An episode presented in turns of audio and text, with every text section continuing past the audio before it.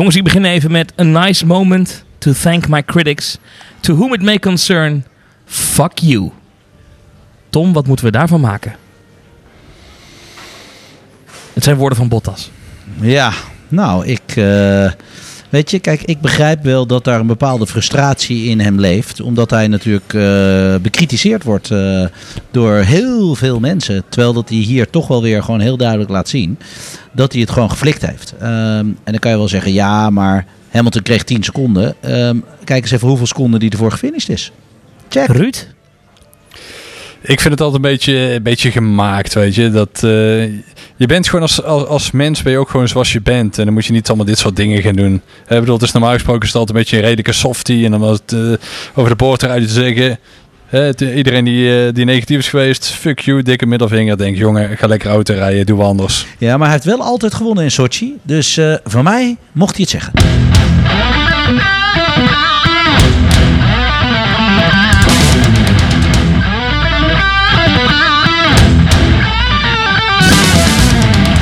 Weer luistert naar de podcast van Racing News 365. Dit keer blikken we terug op de Grand Prix van Rusland met een crashend begin.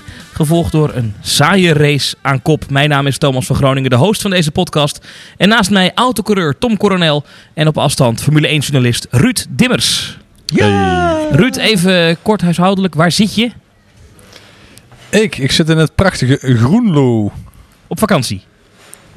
Ja, eventjes een paar dagjes eruit. En eh, het, kan, het kan nog net, hè. En dat... eh, lekker, even, lekker even een beetje genieten.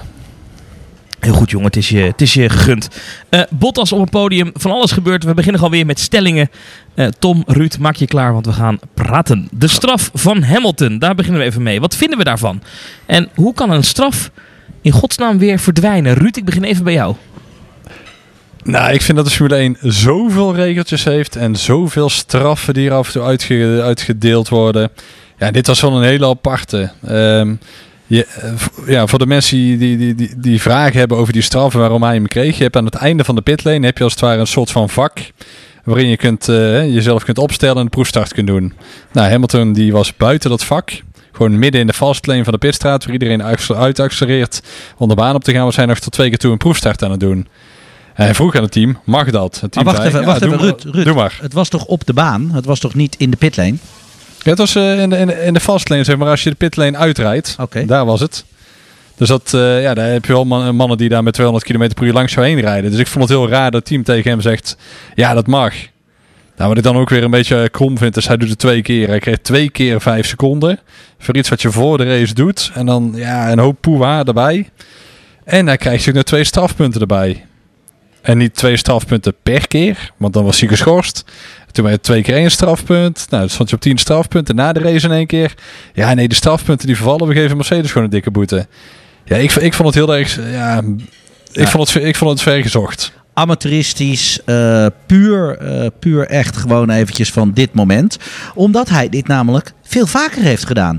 Dus of je bent consequent, ja, of eh, ja, het, het klopt niet. En in mijn geval zeg ik dan, het klopt niet.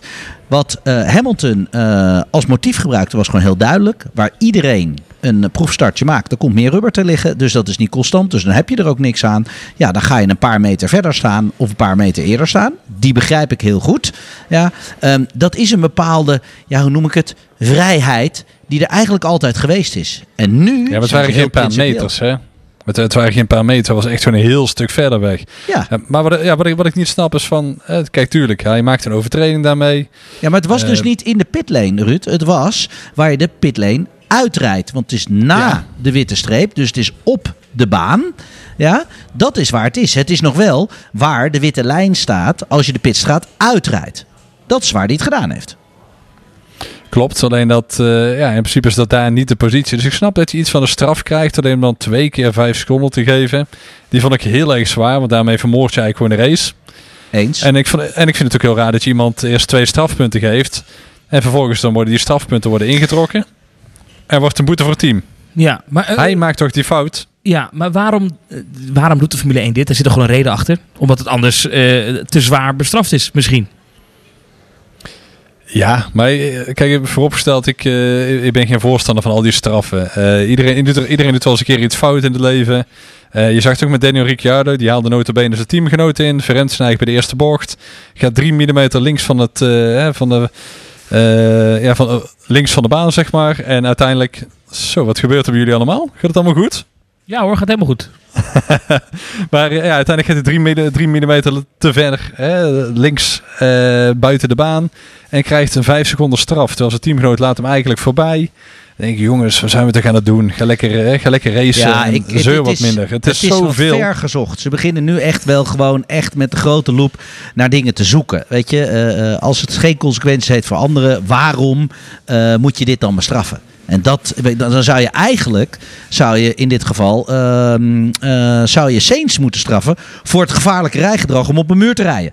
Want dat is eigenlijk veel gevaarlijker. Ja, oké, maar dit Ja. is... En die de baan op ketst. Maar, hij, maar Ja. Hamilton veroorzaakt wel een gevaarlijke situatie. Absoluut niet. Nul gevaarlijke situatie wat Hamilton deed. Hamilton deed, deed twee proefstartjes die hij niet op de rubberlijn wilde doen. That's it. En ja, die is 50 meter, 100 meter verder dan waar hij was aangewezen. Helemaal klaar. Voor de Ja. rest was het niks, niks, niks. En je benadeelt daar niemand Je mee. benadeelt er helemaal niemand mee. Je rijdt niemand in de weg. Eh, dus dus dat, dat is heel iets anders dan wat een Saints deed. Een Saints, ja, dat is gewoon een mega gevaarlijke manoeuvre. Die kaatste de baan op.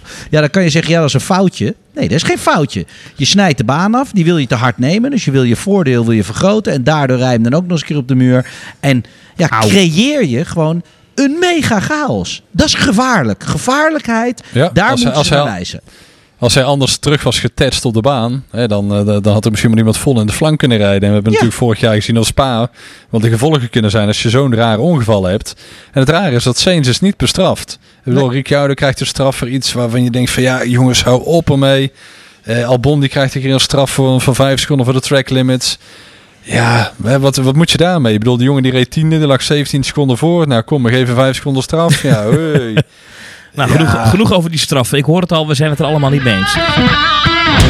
Even een kort bericht van onze sponsor tussendoor. Ben je nou op zoek naar de beste VPN om de Grand Prix of je andere favoriete programma's waar ook ter wereld te kunnen kijken? Dan hebben we een tip. NordVPN. Dat is toch wel de beste VPN die je kan krijgen. En onze vrienden daar die hebben zelfs een korting voor jou als luisteraar bedongen. Als luisteraar van Racing News 365 krijg je tot wel 70% korting en je krijgt een maand gratis. Dan moet je naar noordvpn.com slash racingnieuws. Dat is noordvpn.com slash racingnieuws. Want NoordVPN, dat zeggen ze, dat is de beste VPN die je kan krijgen. We gaan gewoon door naar stelling 2, want die is veel leuker. Verstappen was veel beter dan zijn auto, Tom. Ja, maar dat is hij al jaren. Ehm, Ja, dat is waar. Maar nu- nu ontsteegt hij hem dit, echt. Dit had je echt van mij kunnen verwachten. Nee, is niet waar. Dat deed hij in Mugello ook. Als ik naar Mugello kijk, hoe dicht hij erbij zat, dan had ik echt zoiets van: wow, waar haal je dit nu vandaan? Kan je vorig jaar Hongarije nog herinneren? Die kwam ook als een duvel uit een doosje. Weet je, ik, ik zie gewoon vaker bij Max dat hij af en toe iets doet wat niemand verwacht. Maar dat maakt hem ook het persoon zoals hij nu, ja wordt gezien. Hè? En niet alleen door mij, want ik weet precies hoe jullie allemaal weer denken. Nee, nee, de wereld. En hij laat het ook zien. Dus weet je, het is niet praten. Kijk, en dat vind ik ook het mooie van het woord verstappen. Bij het woord verstappen zit ook direct eh, eh, eh, prestatie zit eraan Ja. gekoppeld. Weet je, hij praat met prestaties. En als het niet goed gaat, dan wordt hij boos, wordt hij gefrustreerd. En dat maakt hem de, de ideale sportman. De ideale sportman. Frustratie, boosheid, onkunde, de drang hebben om te willen winnen. Ja, het is, joh, ik vind dat hij dat al jaren doet. Ruud, hoe belangrijk is deze P2? Nou, als je uh, uh, aan- aanhakend op wat Tom zegt. eh, bij Max zie je heel vaak dat als hij eh, even een mindere periode heeft gehad. Had het nou natuurlijk twee uitvalbeurten op rij. Waar hij niks aan kon doen. Dan zie je dat hij dan gewoon nog meer getergd is en nog meer uit zichzelf haalt. Want er was niemand die verwachtte dat hij die twee Mercedes in Rusland kon splitten. Nee. Hij doet het in de kwalificatie met Bottas. En doet hij het zo slim. Door eigenlijk eh, Bottas gewoon te gebruiken. Ik bedoel, hij rijdt in de kwalificatie, laat hij Bottas voor. Max is bezig aan de outlap en Bottas aan de vliegende ronde. Hij haakt aan, hij pakt in de laatste twee bochten pakt hij die snelheid mee. Hij, trekt die slipstream mee door tot ruim na start-finish. Nou, dan pakt hij een tiende. En uiteindelijk is hij daar gewoon zo slim in. En rijdt je gewoon een, ja, een, een prachtige ronde. Bij de start eh, had hij, had hij het probleem dat hij weer wat... Ja, hij had, te veel wielspin. Het was, hij stond aan, aan, de vuile kant. Dan heeft hij het geluk dat Lewis natuurlijk die straf kreeg... en daardoor achter hem komt en in het verkeer terecht komt.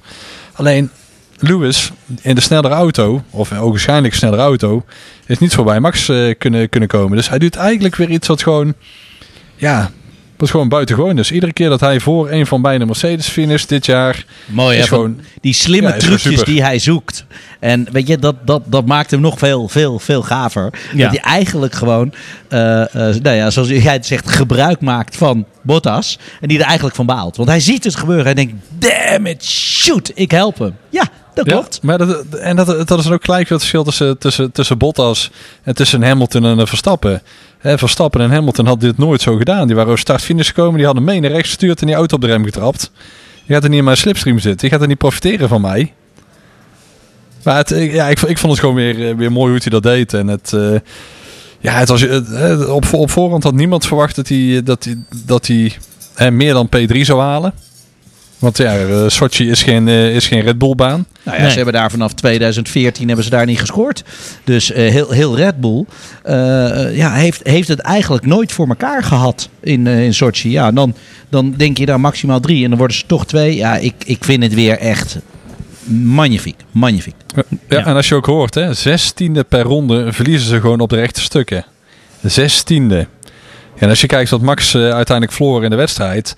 Tuurlijk, er waren wel eens wat rondjes bij dat even iets meer was. Maar het zat vaak ja, rond die half seconde. Wat hij als Bottas echt volging, wat hij dan toe moest geven.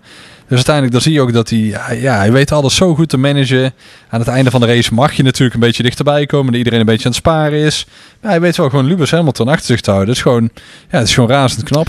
Dat is wel een prestatie. Eh, Nou, Max heel goed dus, maar zijn teamgenoot Albon, ja, eh, weer niet zo goed. Ruud? Ja, Rut. Ja, Rut. Ja, daar komt, daar komt het, Al- daar komt het Albon-journaal weer. Nee, ik Ja. heb er een column, van, eh, een column over geschreven. Die staat op Racing News 365. Eh, ja, hoe lang kan Red Bull Albon nog verdedigen? Want op een gegeven moment houdt het op. En het was op donderdag. eh, sorry, excuus, op vrijdag. Uh, eerst trouwens op donderdag het mediummoment met Max en Albon. Was hij redelijk kort af. Ja. Eh, het leek alsof hij weinig mocht zeggen, CQ wilde zeggen. Hij had in ieder geval een beetje de euforie van de podiumplaats van Mugello van twee weken ervoor. Eh, op vrijdag Horner, die verdedigde hem helemaal naar de persconferentie. zei van, ja, maar Albon wordt alleen maar onzeker door jullie. Door jullie journalisten die iedere week tegen hem zeggen dat er iemand anders in zijn auto moet, eh, moet rijden in plaats van Albon. En ik hoop dat hij nou hè, de podiumplaats van Mugello, dat hij daar het vertrouwen uitgeput heeft. Hè, borst eruit, kin omhoog en, eh, en gas erop. Ja, ik ken gewoon een rampzalig weekend. Ja, maar jongens, Hij is dit- eigenlijk Dit heeft niks met vertrouwen te maken. Dit is, eh, dit is gewoon puur. Hij heeft gewoon niet de kwaliteit van Verstappen. Maar hier komt natuurlijk ook het volgende probleem dan gelijk. Eh, Red Bull heeft geen vervanging. Die is er niet. Ehm, en dat is dus het allergrootste probleem. Want iedereen wie ze daar neerzetten, die krijgt hetzelfde pak slaag. Ja. Ja, goed, dat hebben we vorige week al uitgebreid besproken. Als je Ja. naast Max zit, ben je gewoon de Sjaak. Ja, Maar dan ja, nog... Tom, het die wordt alleen maar slechter. Ja, maar het Als je- verschil is wel heel groot nu. Hè? Hoe kan dit verschil dan zo groot zijn? Ik snap het. Want, want, het voor- ja, want Max-effect. vorig jaar Ja, Vorig jaar is hij ook in de achterhoede begonnen. Ook door een, eh, door een gridstraf. Is hij als vijfde geëindigd. Dit jaar start hij als vijftiende. Eindigt hij met heel veel kunst en vliegwerk als tiende. Dus ja, dat is ook niet heel veel progressie in. Hij, hij- ja, ik denk dat hij ook gewoon mega onzeker is. Hij was veel en veel te langzaam. Hij kreeg 90 seconden aan zijn broek van Max Verstappen. 90. In minder dan 60 rondjes. Oh man, dat is toch wel veel te veel. anderhalve seconde per ronde. Ja, Tom, jij zegt er is geen alternatief. Nee. Bel, Sergio, bel Sergio Perez. Dat hebben ze al een keer gedaan. Hè. Heb je al een keer met, met elkaar een beetje gesproken, gebabbeld. en dat is echt niet om, eh, om te vragen hoeveel, hoeveel klontjes suiker in zijn koffie moeten. Of misschien wel, hè, als ze koffie gaan drinken. Maar geef zo'n Perez dan een kans. Die is echt gewoon een heel stuk beter. En Red Bull heeft beter gehad. We hebben dat ook met Ricciardo gezien. Die zat gewoon veel dichter bij... eh, eh, uiteindelijk bij, eh, bij, bij Max. Ja, eens, hè. Die- eens. Daar zit meer ervaring. Eh, dat is natuurlijk. Er zit, daar zit die, die, die drive. Ik bedoel, een Perez heeft natuurlijk een serieuze grote bek. Dat hebben we natuurlijk gezien in het gevecht met Ocon wat hij had. We zien het nu in het gevecht wat hij heeft met Stroll. Die, hij, rijdt hij rijdt gewoon iedereen in tweeën. Zijn eigen teamgenoot rijdt hij van de baan af. Het interesseert hem niks. Nou, dat is wel de mentaliteit die je nodig hebt. Iemand die gewoon dus met zijn vuist op tafel slaat. mega veel, veel indruk heeft eh, gemaakt bij de anderen. Want het is wel zoals je naast Perez rijdt. Dan weet je gewoon dat hij echt niet van het gas afgaat. Ja, dat, dat telt ook wel een beetje. Ja, ik, ik, Ruud, ik ben het mee eens. Ik zou Perez inderdaad een kans geven nu te denken zegt. Ja, ik, ik veer hier een beetje op. Ja, nou, maar ik, zie, wel ik zie een enthousiaste Tom Coronel ineens. Ja. Ja, nee, maar ik zit Ja, zo Perez is een vrij man, hè? Ik bedoel, hij is, hij gepiepeld, door... eh nee, ja, kijk, Perez die heeft natuurlijk ook laten zien eh, in de afgelopen jaren dat hij podiumplaatsen kan rijden. Eh, ik, ik denk gewoon dat als je Perez eh, naast Max zet, dan zul je vast zeker wel drie, vier tienden langzamer zijn. Maar misschien ook wel een keer ervoor staan. Hoor. En hij gaat die Red Bull dan wel op plekje 3, 4, 5 eh, neerzetten. En niet op plek 10 in de kwalificatie. En dat is met Albon iedere keer het probleem. Hè? Hij, hij, het is niet dat hij ver achter op Max staat. Hij staat ook nog verder achter op de Renaults, achter de McLaren's, achter de Alfa Tauri's notabene. Ja. Iets wat, eh, wat in de comments heel vaak gezegd wordt onder de podcast... als jij weer eens je Albon-journaal hebt gedaan, eh, Ruud... is ja, eh, Ruud, jij vergeet wel dat Albon ook het mindere materiaal van Red Bull krijgt. Wat is daar waar van? Bullshit. Complete bullshit. Het is heel simpel. Uh, zij zullen nooit zoveel minder materiaal aan hem geven. Hè? Als je twee voorvleugels hebt, dan zou ik inderdaad eentje reserve houden voor Max en mijn Max 1 erop zetten. Maar als je er twee maakt, kun je er ook net zo goed vier maken. Begrijp je? Dus uh, het zal misschien één race zijn, maar deze verschillen zijn echt groot. Het is heel simpel. Kijk naar alle andere teamgenoten ten opzichte van elkaar. Daar zit geen groot verschil in. Dat is allemaal 2, 3 tienden, max, max, maximaal. En hier zitten gewoon 6, 7, 8, 9 tienden in. Nou ja, als je het over die, die verschillen, uh, Ocon versus Ricciardo, groot verschil. Um, in eindresultaat en in pieken wel, maar niet, niet, niet constant, zoals het nu inderdaad bij Albon zo is. Nee, Ruud, die verschillen tussen die, tussen die teamgenoten. Ik zie als stelling staan, Rusland legde de grote verschillen tussen coureurs bloot. Ja, je, je ziet wel duidelijk wie natuurlijk uh, de nummer 1 en 2 coureurs zijn. En wat je zelf aan aanstipt, Ocon en Ricciardo. Ja, Ricciardo die, die rijdt in het begin van de race achter Ocon. Nou, uiteindelijk finisht hij echt gewoon ja, ruim voor hem. En hij pakt weer gewoon dikke punten. Ocon die, die, die komt ook nog niet helemaal tot, ja, tot, tot, tot bloei. En dat is op zich wel opvallend, omdat je gewoon denkt bij Ocon van een jongen die titels gewonnen heeft voor, voorafgaand aan de Formule 1. Hè, Ricciardo die natuurlijk hè, meer ervaring heeft, races gewonnen heeft, wat meer leiderschapsfiguur is. Alleen ja. de mensen die dachten van het wordt een, beetje, hè, een soort make or break voor de carrière van Ricciardo. Het is eerder andersom. Ocon moet nou tegen Ricciardo opboksen voor een jaar tegen Alonso.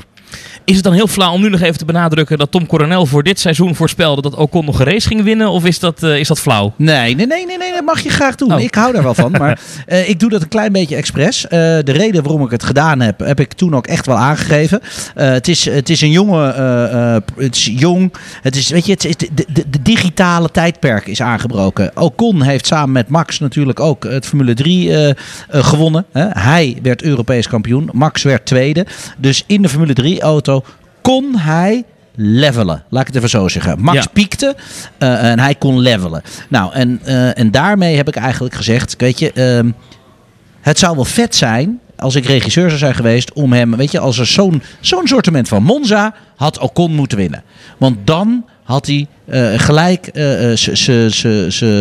ze gelijk kunnen halen. Ja. Maar hij zit nu in een situatie waarbij hij bijna op zijn tellen moet passen. Nou, dat is zeker zo. Want niemand, uh, ik bedoel, uh, Ocon maakt meer kans om de Grand Prix van Monza te winnen dan een Gasly. Maar Gasly heeft het wel geflikt. Ja. Weet je, dus, dus uh, ja, ja, hij heeft het tot nu toe niet goed gedaan. Ja, ik durf te zeggen, ik heb zeer veel risico gelopen met die uitspraak. Maar het is wel een jongen die Europees kampioen is geworden voor Max Verstappen. Dus het kan nog. Ruud, Sochi, mag die voor jou op de kalender blijven of mag hij er wel weer af? Nou, mag wel op de kalender blijven, maar niet bij de Formule 1. Want? Nee, ik, nee ja, er, is, er is niks aan. Je hebt een, je hebt een ellenlang rechtstuk. Er is weinig actie. Het zijn allemaal 90 graden bochten. Er is eigenlijk geen enkele coureur die ook enthousiast wordt van de circuit. Zo enthousiast als iedereen over Mugello is. Uh, of over Spa-Francorchamps, dat soort banen.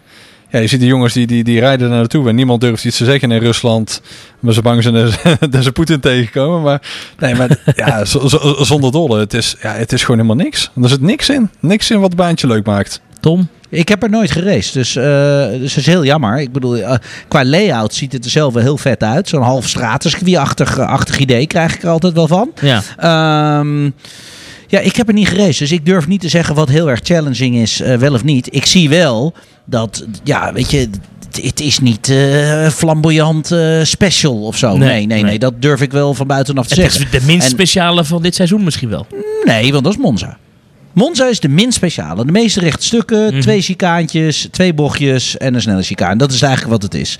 Ja, dan is dit eigenlijk wel een stuk, stuk vetter. Alleen, eh, Monza is, is natuurlijk in het park, is legendarisch, zit in I- Italië, weet je wel. Dat is, weet je, dat is, ja, dat, dat is heel anders. Dat, dat, dat ademt historie. Gewoon als je er al loopt, dan, dan, dan voel je gewoon die, die, die, die, die energie die daar zit. En in Sochi zit, zit gewoon geen energie. Weet je, het is gewoon zo'n eh, zo'n zo'n betonnen nepstad is het eigenlijk, als ik het moet eh, begrijpen van andere mensen. Ja. Ja, en dat, ja dat, dat maakt het moeilijk. Maar weet je, dat moet wel groeien. Ik vind het toch gaaf dat we naar Rusland zijn gegaan. Want anders was het echt alleen maar echt Europa-Europa geweest.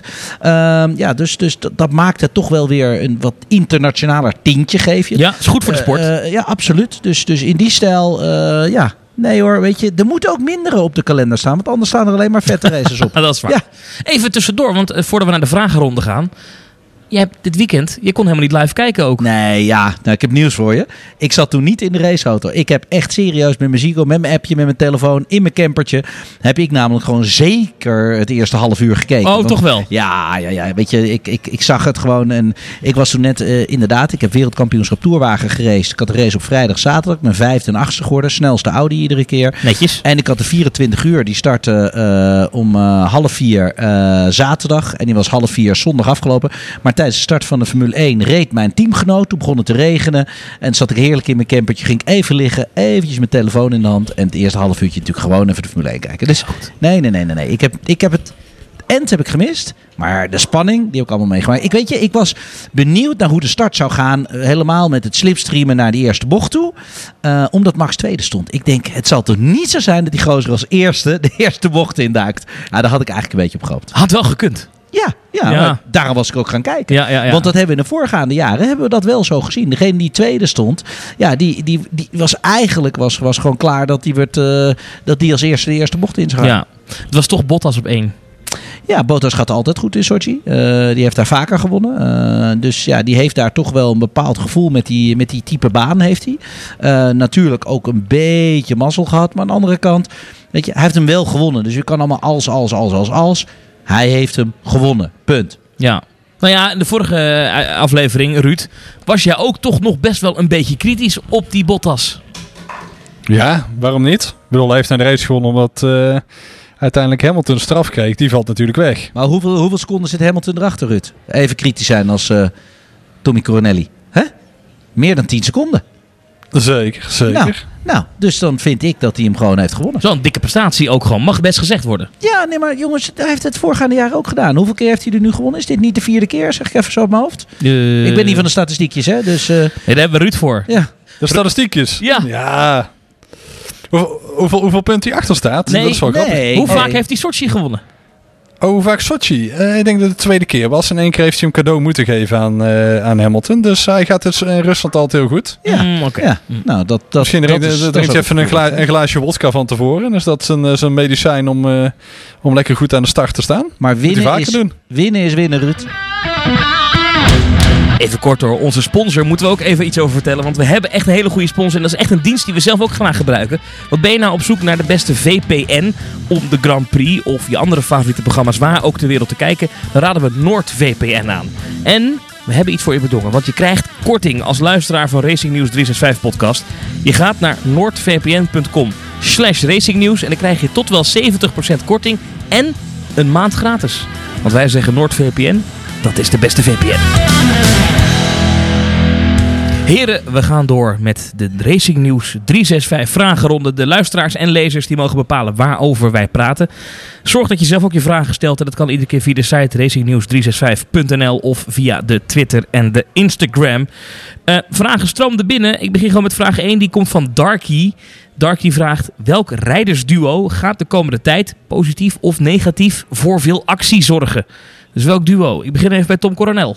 Eh, als ik eh, teambaas zou zijn, zou ik voor het duo Verstappen en Hamilton gaan. Omdat ik zeker weet dat die twee eh, aan elkaar gewaagd zijn. Aan elkaar respecteren. tot nu toe nog fair racen. Maar weet je, dan kom je aan het einde richting een kampioenschap. Dan, dan wordt er wat vuiler spel gespeeld. Ja, dat, en dat is gewoon vet voor de sport. Ik bedoel, dit zijn de twee beste rijders die ik nu zou kunnen verzinnen. En die moet je dan ook in dezelfde auto zetten. Want zet je ze namelijk in dezelfde auto, dan hebben ze gelijke wapens. Ja, en welke van de duo's die nu al duo's zijn, denk je dat ze dat, dat spectaculair Die gaan worden? nu al duo's zijn. Ja, Poe, poe, poe, poe, poe. Ja, weet je. denk er even over na. Ga ik naar Ruud. Ruud? Nou, ik denk dat eh, Esteban Ocon uiteindelijk wel een keer een beetje eh, op stoom moet gaan komen. En een keertje Ricciardo dwars gaat zitten. Nou ja, dat, dat, of dat ze gewoon samen lekker gewoon gaan knallen. Ik bedoel, je ziet dat Renault wel beter, eh, beter gaat. Eh, ze gunnen elkaar ook wel iets. Hè? Want het hoeft niet, eh, volgens mij niet al te zijn dat ze elkaar in de wielen gaan rijden, toch? Als je het hebt over in, in de wielen rijden, dan is misschien wel dat Kvyat een keer een beetje gefrustreerd is. Die trouwens in Rusland een hele goede thuisrace reed. Maar voor de rest, die moet een beetje gaan, gaan, gaan vrezen voor een stoeltje. En dat geldt natuurlijk ook voor Magnussen en, en Grosjean. Grosjean was geweldig. Iedere boordradio die hoorde van Grosjean was alleen maar geklaag. En eh, oh, hij wist het niet meer en het ging helemaal niet meer. En ja, dat, eh, ja. Ik, ik verwacht daar nog wel weer een keer een van de raar momentje van. Ik, eh, ik geloof zeker eh, Magnus en een Grosjean dat daar wat gewisseld moet gaan worden. En dat heeft er gewoon mee te maken. Weet je, ze hebben hun kansen gehad. Ze hebben genoeg laten zien of ze het wel of niet waard waren. Ik, ik, ik, ik vind dat, dat er moet verfrissing in komen. Er moeten een paar nieuwe namen in.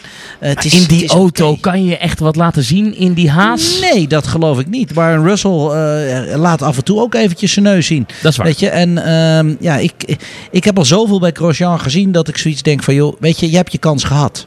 Get out. Verse, jonge, nieuwe, eh, eh, eh, flamboyante eh, eh, waaghals moet daar gewoon in zitten. Ruud, zijn we het eens? Moet Grosjean uit de Formule 1?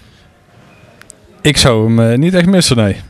Ik denk dat hij heel veel kansen heeft gehad. En eh, ja, er zijn ook nieuwe talenten. En het is de tijd voor komen en, en voor gaan. En uiteindelijk, eh, ja, weet je. Maar Wie wie, wordt er nog dan, warm van Grosjean? wie moet ik dan kiezen bij de voorspelgame als eerste uitvaller? Ja, dan maak je dit wel heel moeilijk. Nou goed. We gaan door naar eh, vraag 2. Die komt van Drinasty. Of Drin- Drinasty? Drinasty. Drinasty, zoiets. Die vraagt, wat zijn de mogelijkheden voor Red Bull en Honda om dat ene ontbrekende puzzelstukje te vinden om toch Mercedes in te halen? Wat zijn de mogelijkheden? Kan dat, Ruud? Hard werken. Hard werken, harder werken en nog harder werken. En ja, kijk, uiteindelijk, iedereen is ooit een keer bij te halen. Daar, daar geloof ik wel in. Alleen, het is gewoon niet makkelijk. En je ziet dat Mercedes zo ver voor ligt. Ehm, ik heb het in het verleden ook wel gezegd. Die hebben gewoon een hele Duitse bunker nog vol, vol liggen met, eh, met nieuwe technologie. Op het moment dat de concurrentie denkt aan het einde van het seizoen, we zijn erbij. Ja, het eerstvolgende seizoen, dan eh, komen zij met weer een eh, compleet nieuwe geüp- geüpdate en geüpgrade wagen aan de start. En dat, dat is gewoon het allermoeilijkste. Ehm Honda moet een stap zetten. Die verliezen gewoon nog steeds 3, 4, 15 per ronde. Maar ook Red Bull moet gewoon... Kijk, de Red Bull is ook geen beter chassis dan de Mercedes. Want zo simpel is het gewoon. Het, is, het zit er bijna allebei. Dus ook Red Bull moet gewoon eigenlijk een auto hebben. Als die Red Bull in de basis een half seconde sneller is dan, de- dan, dan de Mercedes... doe je op ieder circuit mee. Ook al heeft Honda dan iets minder, eh, iets minder vermogen. En het is nou op allebei de vlakken dat je net wat mist... Alleen ja, net wat missen. Hè? Drie tienen bij Red Bull, drie tienen bij, bij Honda. Er wel meer dan een half seconde achter. Dus het is, ja... Het, is, het enige waar ik wel een beetje op zoek ben bij, bij Red Bull is nog een keer dat... eh, ja, een, een keer wat nieuws. Een keer wat verrassends. Een keer iets, eh, iets spannends in het design. Dat je echt denkt van zo, hé, dit hebben we nog niet gezien. Ja, ja, ze, ja, vo- ja. ze- ze volgen Ja, nou meer de, li- de lijn van Mercedes. Ook met de neus. hè. Die is natuurlijk eh, dit jaar meer in lijn met Mercedes. Je zou juist willen dat iemand anders meer de lijn van, van Red Bull zou volgen. Wat ze een aantal jaar geleden wel deden. Hè, met de hoge achterkant. Ik ben even op zoek naar het, ja, het konijn uit de hoed van eh, Adrian Newey en zijn, eh, en zijn ontwerpteam. Ja, ik zie toch wel, toch wel kansen. Weet je? Weet je, ik zie namelijk wel dat ze steeds dichterbij komen ten opzichte van het begin van het seizoen. Eh, dat is ook wel de stijl van Red Bull. Het, opgeven, dat is geen optie. Hè? Het is heel simpel. Ze gaan altijd door. Ehm, maar je ziet heel duidelijk dat de auto inderdaad een heel klap minder is dan, eh, dan de Mercedes. En dat heeft alles te maken. Kijk maar naar, naar de teamgenoten. Want anders had hij er ook altijd wel bij gestaan. Want als je gewoon naar de startgrid kijkt, dan zie je gewoon altijd twee Mercedes'en, max. Ja, en dan kom je daarachter, ja, wat hebben we dan? Of de Renaults, of de nou, Ferraris nu dan niet meer. Racing Points. Eh, Of, of de Racing Points, weet je wel. En dan zie je toch echt wel duidelijk, ja, het is de auto die telt. En dat zie ik bij Red Bull niet. Ik zie daar niet een constante goede auto zijn, want dan zou Albon er ook altijd bij moeten staan. Maar dan is het toch een Ja. ongekend knap prestatie prestatie van een Honda. Dat ze in zo'n korte tijd toch boven die, eh, boven die Renaults, Mega. boven die Racing Points. Eh, mega. Ja, het, is, het, is, het is het verhaal van waar breekt, eh, waar breekt de ketting bij de zwakste schakel. Weet je? En dan zie je dus, ja, wat is, eh, wat, wa- wa- waar zit die zwakke schakel dan? Ja, en ehm, ja, ik zie, zie inderdaad wel, weet je, er is altijd ruimte voor verbetering. Altijd. En overal. In Max, in de motor, eh, in de auto, overal. Ja. Maar Ruud, is het eh, aan te nemen dat een Honda, eh, ze zijn niet de naamdrager van het team, dat die daar alles op alles op alles op alles zetten om hier de snelste motor te maken? Ja. Ja, nou, Ja, daar, zeker. daar ga ik op antwoorden. Die pik Oh. ik gelijk af van Ruud. ik heb vijf jaar in Japan gewoond. Ik weet hoe Japanners denken. Eh, eh, Japanners gaan door net zo lang tot ze niet meer door kunnen gaan als ze nog steeds niet gewonnen hebben. Oftewel, ze stoppen nooit. Nee, dit wordt echt. Dit, dit, die, die, die, die, die, die, die willen maar één ding. En dat is winnen. Die zijn Ja. trots op hun merk. En, eh, en dat gaan ze laten zien. Maar willen ze dan niet ook ooit dat het team de merknaam draagt? Ja, maar weet je, dat is niet belangrijk. Weet je, want eh, eh, Honda is, is een motorbouwer, is een autobouwer. Ja, is niet direct een Formule 1 teamrunner en dat soort dingen. Het jaar dat Honda uit de Formule 1 stapte, werden ze kampioen met de Braun. Hm. Eigenlijk was dat gewoon de Honda. Ja, die hebben ze natuurlijk, die kans hebben ze net gemist. En eh, ze willen niet weer een heel team hebben, want anders hadden ze dat natuurlijk al lang gedaan. Maar een motor maken, dat... maar eh, een motor maken, daar zijn ze trots op. Hun technieken, hun denkwijze. Ja, en die willen ze gewoon eh, eh, echt wel laten zien aan de wereld. Nou, vraag 3, die mag jij dan kapen, eh, Ruud. Eh, die komt van Tim192. Die vraagt van welke pitboxen en pitmuren maken de Formule 2 en Formule 3 gebruik van tijdens een raceweekend? Dus waar zitten zij? Dat vind ik eigenlijk de, mo- de mooiste voor, eh, voor Tom. Maar ik zal Oh. hem eh, een, be- een beetje wegkapen bij Tom. Nee, die, eh, afhankelijk van het circuit, maar heel vaak zie je een soort van eh, support paddock die er is. Dus eigenlijk is dat vaak een eh, veredeld mooi tentenkamp waarin de mannen staan te sleutelen. En tijdens de race stoppen ze natuurlijk gewoon in de, in de pitlane van de, waar de Formule 1 ook stopt. Alleen de opbouw en, en de montagewerkzaamheden zie je vaak buiten de Formule 1 paddock plaatsvinden. Ja, het is gewoon een grote parkeerplaats die eigenlijk naast het... eh, eh, direct achter de pitbox is voor dan voor de Formule 1. En dan eigenlijk één platform of een parkeerplaats verder. Dat is zeg maar ja, paddock 2 of hoe je het noemen wil. Ja, daar staan de supportteams. Dat klopt. En daar staat dan Formule 2 staat helemaal bij elkaar. En is dat nog een keer een paddockje verder staat dan de Formule 3. Ja. Even over die Formule 2. Wat was dat voor crash? Ik heb het niet helemaal goed meegekregen, Ruud. Eh, dat was een flinke klapper, niet? Dit was zeker een, eh, een flinke klapper in, eh, in die snelle eh, ja, bocht naar links. Dat ze met tweeën eraf stuiteren. En het rare was, ze kwamen eigenlijk onder de tector barrier heen. Of door. Dus die, ja, normaal gesproken zou zeggen, die blijft, hey, die blijft staan en die vangt die hele klap op. Maar die, ja, een van de twee auto's zat er helemaal onderdoor, joh. Dat, Ja, Dat dat, was, bl- dat blijf je houden. Dat heb je ook bij de bandenstapels die we natuurlijk kennen. Maar dit zijn natuurlijk gewoon volledige blokken die de absorptie zouden moeten oppakken. En die zijn, wat is het? Drie layers geloof ik. Er zit er één en er zit dan een, een eh, elastiekachtig systeem tussen. De absorptie, dan weer een layer, dan weer een absorptie, dan weer een layer. Ja, onder de eerste layer, daar is die helemaal onderdoor geschoten. Vloemp. Ja. Ja, ja, je maar- hart maakt wel een huppeltje als je die beelden Ja. ziet. Zo'n auto helemaal erin. Ja, maar dat is niet erg. Dat is niet erg. Weet je, kijk, dat, daar is die absorptie dus ook voor gemaakt. Eh, het is natuurlijk voor het eerst dat we het echt zien dat hij er onderdoor schiet. Ja, het ziet er misschien niet top uit. Het is niet de schoonheidsprijs. Maar aan de andere kant, ik bedoel, ze zijn gewoon veilig uitgestapt. Er was niks aan de. Maar En eh, ze hebben uiteraard ook hebben ze, hebben ze de, de, de bekende beugel die zo er de, de, de voorop zit. Mhm. Ja, dus, dus die vliegt er wel overheen. de Halo. Ja, de Halo. De Halo, Ja. Vraag 4, die komt van heel veel mensen. De FIA snoerde Hamilton min of meer de mond door alleen teamkleding nog toe te staan op het podium. Dus ze moesten in die zwarte overal, eh, of welke kleur die ook heeft, moesten ze het podium op. En daardoor kon Hamilton geen eh, ja, t-shirt met politieke boodschap meer aantrekken. Goede zaak of niet? Ja, vind ik wel. Ik bedoel, van, Ja. eh, de Formule 1 is uiteindelijk is dat, eh, is, is een sport. Eh, ik en met mij kijken er miljoenen mensen naar. Hè, honderden miljoenen wereldwijd. En het gros daarvan wil gewoon de sport zien. En als Hamilton goed is, dan staat hij op podium. Dan wint hij misschien een race nog wel. Dan wordt hij gewoon dit jaar voor de zevende keer wereldkampioen. Dat is allemaal fantastisch. Alleen ik zit niet te wachten. En hè, met mij vele getuigen alle reacties die wereldwijd zijn. Ehm, ja, op en iedere keer een politieke boodschap of een statement of eh, vermeend racisme, politiegeweld, alles wat voorbij komt. Ik vind dat het podium, eh, of het nou in de Formule 1 is of in een andere sport, dan heb je gewoon eh, het kloffie aan van, eh, van je werkgever of van eh, het land wat je vertegenwoordigt. eh Ja, maar het, ja, ha- het hoort er ook gewoon bij. Het is ook, eh, vind ik, eh, het, het, het past ook helemaal niet. Ik bedoel, het is het moment om iets te gaan vieren, een, een feest.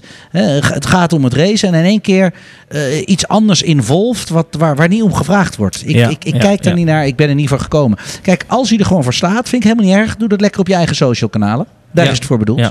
Even, Dus eh, perfect, want de FIA die heeft hier nooit een regel voor gehad. En eh, die heeft nu gewoon een nieuwe regel ingevoerd dat je teamkleding op podium aan moet. Punt. En dan ben je overal, eh, ben je ja, overal vanaf. van het gedoe af. Even, als jij twee uur lang hebt, hebt geraced, je hebt alles gegeven in een hete auto. Hoe snel wil jij normaal gesproken die overal uittrekken? Nou ja, weet je, dat hoort er gewoon bij. Ik bedoel, je wil zo snel mogelijk de auto uit. En natuurlijk heb je het heel erg warm. Nou, dan trek je overal uit. Die knoop je, eh, die knoop je vast om je middel. En dan doe je een t-shirt van het team aan. Ook Ja, goed. Mag ook. Ja. Oké. Vraag 15 komt van Tim, niet jouw broer, een andere Tim. Eh, die vraagt: welke coureurs moeten vrezen voor hun stoeltje in 2021? Dus wie moet er echt vrezen voor het stoeltje? We hoorden net al even Grosjean van jullie. Eh, als dan Tom ligt, Tom, je mag nog één iemand nomineren. Waarvan jij zegt, eh, en Albon mag je niet doen, want die hebben we al gehad.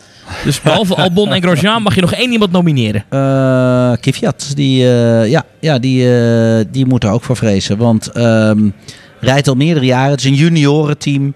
Eh het is bedoeld om upcoming talent eh, dat stoeltje te geven. Hij is natuurlijk gedegradeerd. Hè. Hij is natuurlijk van, van Red Bull terug, eh, teruggezet. Een jaartje even ertussenuit geweest. Ja, weet je, ik, eh, ik vind gewoon dat hij eh, in de Alfa Tauri, daar, daar hoort hij niet meer thuis. Ruud, jouw nominatie. En niet Albon en niet Grosjean. geen Albon, geen Grosjean. ehm, Die gaan er al uit, hebben we al besloten. die, die, die, die zijn al weg. Ja. Oké, nou, ik denk dat... eh, ja, sowieso Magnussen, die... Ja, kijk, ik vind Magnussen vind ik een prima gozer. Alleen die rijdt ook al weet ik hoe lang mee. En die komt er ook niet echt vooruit. Hè, die, die maakt ook een stapje naar de echte serieuze subtop ook niet. Ja, die zou ik ook niet missen. Eh maar- Rijkonen gaat waarschijnlijk toch weer een jaar door, is nou het verhaal, hè? Ongelooflijk, ongelooflijk dat dat kan. Maar het is toch een icoon, Tom? Ja, maar, ja, maar dat, dat, dat zeg je genoeg. Hij heeft, die, die, die, die- of die wel of niet rijdt, it's, it's oké. Ik bedoel, ik vind de boordradio's vind ik briljant van die rozer. Eh, weet je, eh, maar geef hem een andere taak eh, in het Formule 1 Laat hem de interviews doen achteraf. Ja, weet je, die worden ook lekker droog en lekker simpel. Maar nee, dat is, weet je, het is, het is iemand die van wereldkampioen alleen maar gedaald is naar, naar het team wat helemaal achterin zit. Ook daarin, weet je, briljante coureur, eh, een, een, echt een character die, die, die we gaan missen. Maar weet je, je, je moet op je hoogtepunt weggaan. Ja, Ruud, bye bye Kimmy. Ja, vind ik wel. Dat is een beetje net als met Valentino Rossi. Hè. Die heeft ook weer een jaartje bijgetekend. En volgens mij is hij eh, 40 of 41. eh, ja, zijn, die heeft gewoon zijn glorietijd ligt gewoon ver achter hem. En dat vind ik zo jammer. Kijk, voor mij is Rossi is gewoon hè, de de beste motorcoureur aller tijden. Of in ieder geval de beste die ik ooit heb zien, eh, zien rijden. Beter nog dan Marquez. Alleen heeft al tien jaar lang heeft hij geen titel meer gewonnen. En je ziet hem gewoon nou foutjes maken. Dat je ook denkt van ja, kom op, weet je, Valentino. Waarom stop je niet lekker? Weet je wat, eh, wat we vorige week ook al hadden besproken met, eh, met Schumacher? Die stopt op een hoogtepunt en die komt er toch eh, vier jaar later komt hij terug. Omdat het gewoon hè, het bloedkruid zo het niet, eh, niet gaan kan. Alleen dan rijdt hij drie jaar bij Mercedes en dan, ja, dan, rijdt je, dan raakt je eigenlijk geen pepernoot meer. Nee, maar Ruud, ehm, en dat, ik mag daar natuurlijk zo heel graag, weinig. hè? Ik mag er natuurlijk heel weinig over zeggen, maar dat heeft alles te maken dat ik zelf ook nog race. 28 jaar grijs en kaal in het wereldkampioenschap. En ik ben ook een subtopper, hè, dus dat weet ik van mezelf.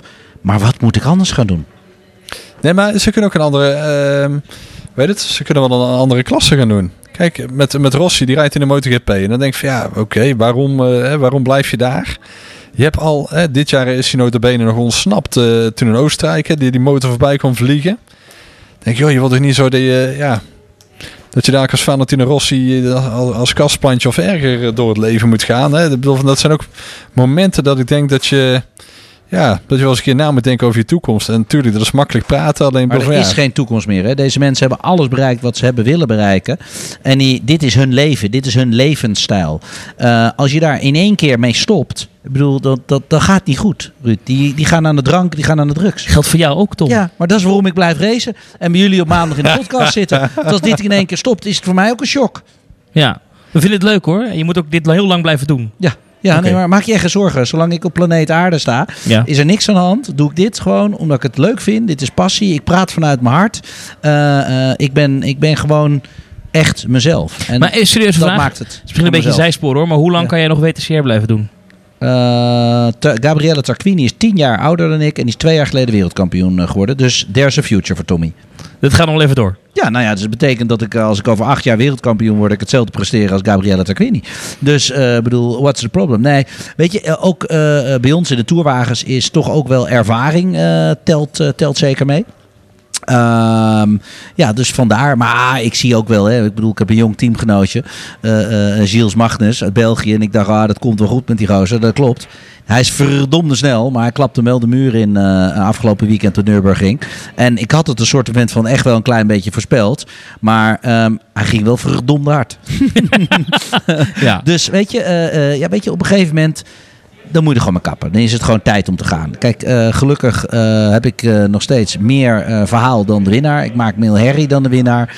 Dus eh, zolang mijn sponsors er blij mee zijn, eh, mijn fans me nog steeds ondersteunen, blijf ik gewoon lekker racen. Wij blijven ook van jou genieten, Tom, uiteraard. Eh, eh, eh, eh, Ruud, eh, jouw nominatie was dus Rijnkoon, hè? Ik was het even kwijt. Of wilde je er toch nog eindelijk iemand anders nomineren? Nou ja, ik, ik denk dat... ehm, hè, kijk, de toppers staan eigenlijk wel een beetje vast. En... ja, ik, denk- ik denk dat je de, de twee Haas-coureurs, de twee Alfa Romeo-coureurs... Want ja, Giovinazzi, de ene keer is hij oké, de andere keer dan denk je van... Wat heb je eraan? Ja, dat zijn een beetje de mannen die je gewoon niet zo snel mist. En dan kun je zeggen, ze hebben misschien nog niet de auto om het te laten zien. Nee. Maar als je het hebt over vernieuwing, dan denk ik Fiat eruit. eh Magnussen, Grosjean, Kimi, Giovinazzi. Ik zal ze niet missen als ze er volgend jaar niet zijn. Geef Eens. gewoon hè, nieuwe, nieuwe talenten gewoon de kans. En eh, Is er een genoeg beetje aanwas? Is er genoeg aanwas om die stoeltjes te vullen? Nou, Mick Schumacher die, die, die zal volgend jaar wel zijn, eh, zijn Formule 1 debuut eh, maken. Dat geloof ik wel. Ja, mooie naam. Kijk, dat is natuurlijk, eh, die, dat willen we terugzien in de Formule 1. Natuurlijk ook super, super, super gaaf.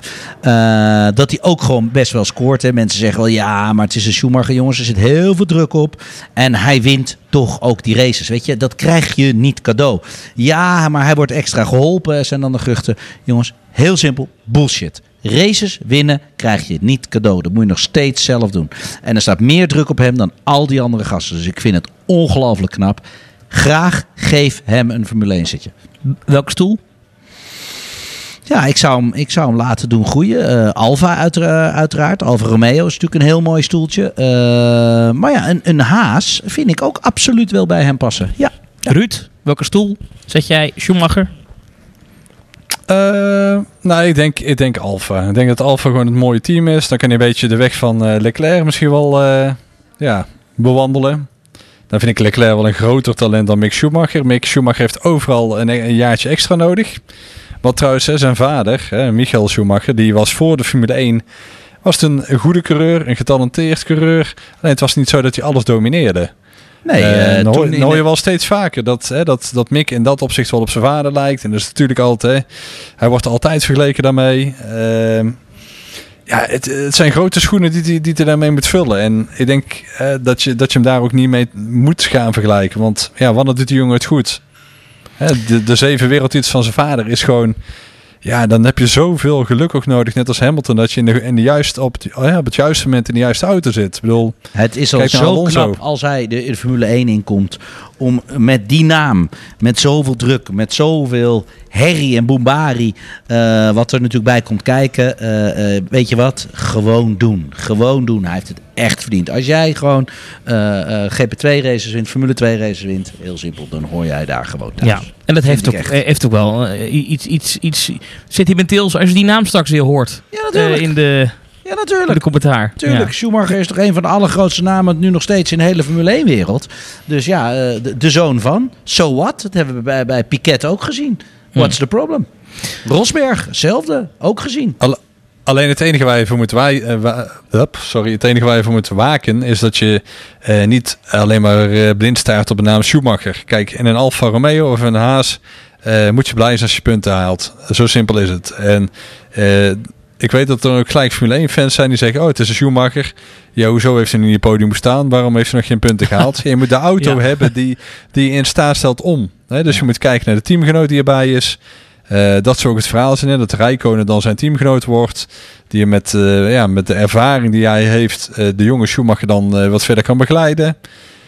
Ja, dat zou, dat zou misschien wel mooi zijn. Alleen je, geef, je geef moet ook twee, een drie jaar. Zitje, zitje verdienen. Hè? Dat hebben we natuurlijk ook bij Max gezien. Hè? Die begint eerst bij het eh, junior team en daarna doorgroeien naar, eh, naar de sterkere teams. Dat is heel normaal. Je komt niet binnen in één keer in een topteam. Heren, we gaan afronden. Ik wil nog even weten, de raceweek, hoe ziet die eruit? Ruud, wat ga je komende week doen? Je bent op vakantie. Ga je nog wel iets, iets doen? Eh, ga je nog wel iets volgen? Of eh, is het in een afgesloten bubbel? Nou, ik denk dat ik gewoon eh, lekker een beetje ga relaxen. En gewoon eens een beetje gaan kijken wat jullie allemaal doen. gewoon eens kijken wat er in, de- in dat wereldje allemaal gebeurt. Ik heb hier net de jacuzzi al eh, vol laten lopen. Dus eh, ik ga me wel van maken. Oh, nou, Oh. dat klinkt goed. Ik zeg wijntje kaar, klaarzetten, kaarsje aan en eh, je vrouw uitnodigen. Of je vrouwen. er, is, er, er is plek voor zes. Oh, nou, dat gaan we... Oké. Eh, Tom, eh, zat de camper klaar voor komend weekend? of eh, Ehm, moet je ja, nee, die, die staat klaar, want die heb ik vanochtend helemaal uitgeruimd. Eh, die ben ik heel voorzichtig weer aan het inruimen. Ik hoef dit weekend niet te racen, maar eh, er zit wel een, een test is er gepland op eh, vrijdag op Spa-Francorchamps. En het zou nog wel zo kunnen zijn dat we misschien ook op zolder gaan testen, want wij gingen niet briljant met de regenbanden op de Nürburgring. Het was voor de eerste keer dat die onder de Audi zaten en eh, ja, daar waren we eigenlijk gewoon niet, niet sterk genoeg. We wisten niet wat voor bandenspanning, de setups klopten niet. Dus wij gaan een dag testen met, eh, met de Audi eh, RS3. Je zoekt echt een, een circuit waar het regent. Ja, eh, het, moet het moet regenen en wij zoeken naar een circuit waar tractie belangrijk is. Maar is dat echt even kijken op de weerapps? Op de, het Ja. regent nu op Spa, nu die kant op. Dan beslissen we anderhalve dag van tevoren. Dan gaan we daar naartoe en dan hopen we dat het regent. Terwijl dat normaal niet het geval is. Want dan hoop je natuurlijk dat het droog is. Droog is. Nou, interessant. Maar Tommy, eh, de Nürburgring, hij ging toch best lekker. Ik bedoel, eh, wat was het? Eh, vijfde en achtste? Vijfde en achtste. Zevende? Nee, hij ging, hij ging aardig, aardig. Maar eh, ja, ik kwalificeerde vijfde. En ik ben er heilig van overtuigd als het droog was geweest dat ik een podium had gepakt. Eh, dat heb ik ook voorspeld toen. Nee, je ging er één winnen. Ja, ja, Ja. ja. ja, dat klopt. Ja, dat klopt. Ben ik, het, eh, ben ik het helemaal mee eens. Maar ik heb wel gezegd, ik ga winnen als het droog is. Eh, Dat, dat, dat heb ik heel duidelijk heb ik dat geformuleerd. Eh, omdat ik gewoon ook weet dat de auto dan heel erg sterk is. Want dan was die ook op zolder. Maar we moeten hem nu ietsjes eh, beter maken op nat. En we gaan richting het einde van het seizoen. Waar we heel veel races gaan doen. En we zijn bang dat heel veel nat gaat worden. Dus we moeten even een goede setup vinden. Nou, laat, laat die regen maar lekker in de Formule 1 komen. Een paar mooie regenraces erbij. Het is eh, ja, Duitsland, hè, natuurlijk. eh, ja. Nou ja, wat dat betreft is nou het ja, mooi dat jij er net gereden Ik hebt. zat want natuurlijk op de Nürburgring afgelopen weekend. Eh, het was 4 graden s'nachts. Het was 10 graden overdag. Het was koud. Het was, eh, het was miserig. Dus eh, het kan zomaar sneeuwen over, over een weekje. volgende week in deze maar heb je ook van, van, het, van het mistige, weer, eh, mistige weer gehad? Want dat zie je daar natuurlijk ook wel eens. Hè? Dat hebben we het verleden ook wel eens gehad. Nou, eh, een beetje. beetje. Eh, mijn 24 uursrace is eh 8 uur stilgelegd. Om half 12 s eh, s avonds hebben ze stilgelegd door te veel regen en mist. Dus dat klopt. Volgende week dan hoor je in deze podcast uitgebreid Tom Coronel over de Nürburgring. En dan gaan we kijken hoe de Formule 1 daar gereden gaat worden. Want volgende week blikken we vooruit op de Grand Prix van de Eifel. Blijf het nieuws volgen over de Formule 1, de MotoGP en de wereld van de racerij op racingnews365.nl. En abonneer nou gewoon even op deze podcast. Dat is belangrijk hè jongens. In Spotify, Apple Podcasts, eh, op welke app je gebruikt. Dat moet je even doen. Eh, en dan kan je ook een recensie achterlaten. En hoeveel sterren verdient deze podcast om? Vijf. Vind ik ook. Heren, Ruud, Tom, tot volgende week. Doei doei!